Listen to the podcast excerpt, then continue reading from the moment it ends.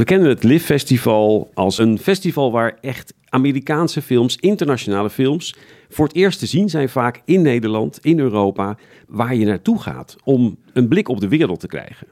En dan is het grappig als je op het programma kijkt, zie je daar ook een film staan over Valkenburg. Over vliegveld Valkenburg, althans het verdwenen vliegveld. Die is gemaakt door Leidse makers. Ik spreek hier met Rianne van Kleef, een van de makers. Rianne, een Nederlandse film op een internationaal filmfestival. Ja, dat is mooi, want ze zeggen ook eigenlijk van we doen geen Nederlandse films, we doen geen documentaires en dan toch een Nederlandse documentaire. Maar inderdaad, ze zeggen ook, wij zijn het Leiden International Film Festival, dus ze willen ook graag de ruimte geven aan Leidse makers. Um, ja, dus vandaar dat wij onze documentaire over het verdwenen vliegveld uh, in wereldpremière mogen laten gaan. In het nieuwe deel van de serie documentaires, het verdwenen vliegveld, gaan jullie helemaal terug naar het ontstaan van dat vliegveld, het begin. Waarom is dat vliegveld eigenlijk ontstaan? Het vliegveld uh, in Valkenburg, dat is ontstaan in 1939 eh, door de Nederlanders aangelegd. Uh, maar in 1940 landden de Duitsers daar, omdat het een belangrijk ja, gestationeerd vliegveld was. Uh, maar ja, daar landden dus de Duitsers om, ja, om Nederland te gaan bezetten. De Duitsers zullen wel blij zijn geweest dat de Nederlanders net een vers vliegveld hadden aangelegd toen de Tweede Wereldoorlog begon. Ja, dat, komt, dat kwam wel goed uit, behalve dus dat het eigenlijk nog geen vliegveld was, maar het was meer een, een drassige modderplek. En daar zijn ze ook wel in de problemen gekomen doordat die vliegtuigen gewoon wegzakten. Maar goed, daar, eh, Valkenburg is wel een van de plekken in Nederland waar de Tweede Wereldoorlog is begonnen. En uiteindelijk hebben de Duitsers dat vliegveld ook ingenomen en zelf ook uitgebreid tot een echt werkend vliegveld. Dus het vliegveld Valkenburg, zoals wij dat hebben gekend na de Tweede Wereldoorlog, is begonnen door Nederlanders, maar is eigenlijk voor een groot deel gebouwd door de Duitse bezetter.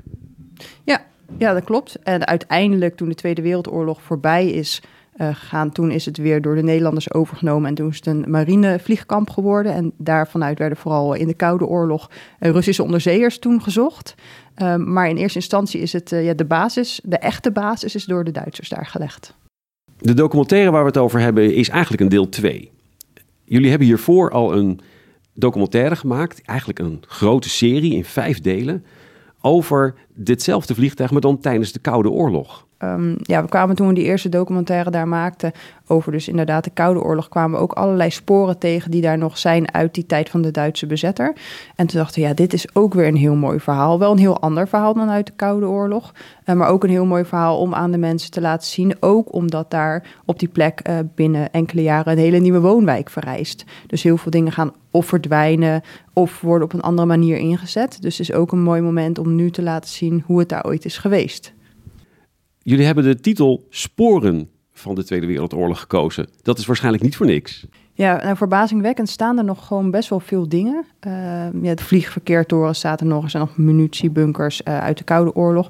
Maar er zijn dus ook gewoon echt nog uh, dingen, ook omdat ze als rijksmonument zijn aangewezen, die daar nog staan vanuit de Tweede Wereldoorlog. En dan denken we bijvoorbeeld aan een heel complex van bunkers. En dat noemen we het bunkerbos. Het staat ergens verstopt achter, achter in het vliegveld met daar inmiddels ook echt een bos opgeplant. Want dat was vroeger niet zo. Uh, maar ook bijvoorbeeld een tankgracht die daar is aangelegd uh, toen de Duitsers het vliegveld opnamen in de Atlantikwal, de, de kustverdedigingslinie.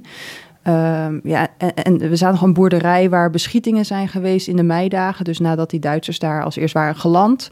Zie je dus gewoon nog uh, de sporen van de explosies en de gevechten die daar geweest zijn? Ja, zeker. Ja, in die boerderij zie je dat dus echt. Dat is een boerderij die ligt aan de rand van het vliegveld, eigenlijk aan de kant van, uh, van het dorp Valkenburg. Uh, maar daar zit dus echt, zit echt nog heel veel oorlogsschade dus ook in. Dus als kijker word je eigenlijk meegenomen in jullie ontdekkingstocht op vliegveld Valkenburg. Ja, ja, en je krijgt inderdaad heel veel informatie over wat er al is en wat andere mensen erover weten te vertellen.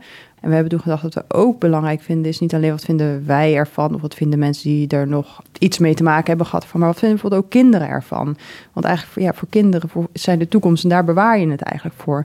Dus we zijn ook naar een school in Valkenburg geweest en daar hebben we een groep 8 mogen interviewen. En die hebben daar allemaal hele mooie dingen over verteld. En die kinderen, ja, dat, ja, ik noem ze echt de sterren van de show. Die vertellen daar zo mooi over. En dat is ook een soort rode draad die terugkomt in de documentaire. Dus aan de ene kant vertellen we nou gewoon wat is daar gebeurd, wat kun je nog zien, maar ook wat het voor mensen betekent en hoe je er eventueel mee om zou kunnen gaan.